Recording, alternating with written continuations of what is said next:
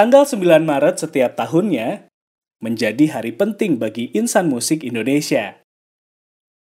Jika biasanya momen ini dirayakan dengan sukacita, tahun ini Hari Musik Nasional dimaknai dengan cara yang berbeda.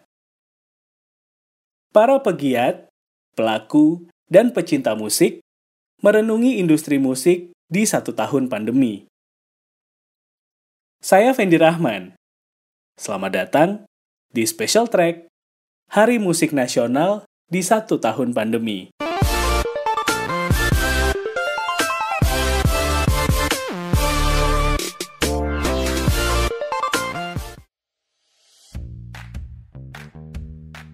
Tanggal 2 Maret 2020, kasus corona pertama diumumkan di Indonesia.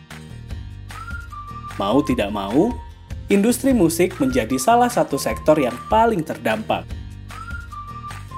Jakarta International Java Jazz Festival menjadi pertunjukan musik berskala besar terakhir yang digelar. Beberapa festival musik yang telah direncanakan harus berubah format, bahkan dibatalkan oleh promotornya. Berbicara tentang kejayaan musik tanah air, di tahun 80-an, musik rock sedang berjaya di Indonesia.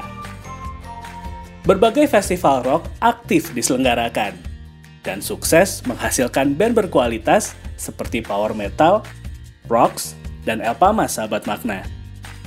Pengaruh budaya barat sangat terasa pada era 90-an.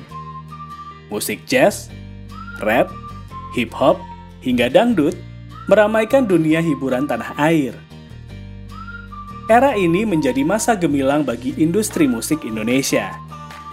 Banyak penyanyi hebat yang mendunia karena prestasinya di kompetisi internasional sahabat makna.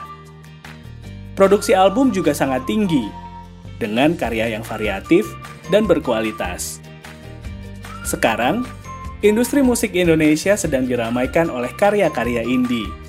Walaupun memilih jalur independen, pamor mereka nggak kalah sama pendahulunya. Moka, payung teduh, dan bara suara menjadi salah satu contohnya. Kecanggihan teknologi mempengaruhi karya musik saat ini. Musik tidak hanya sebagai hiburan, tapi juga sebagai inspirasi.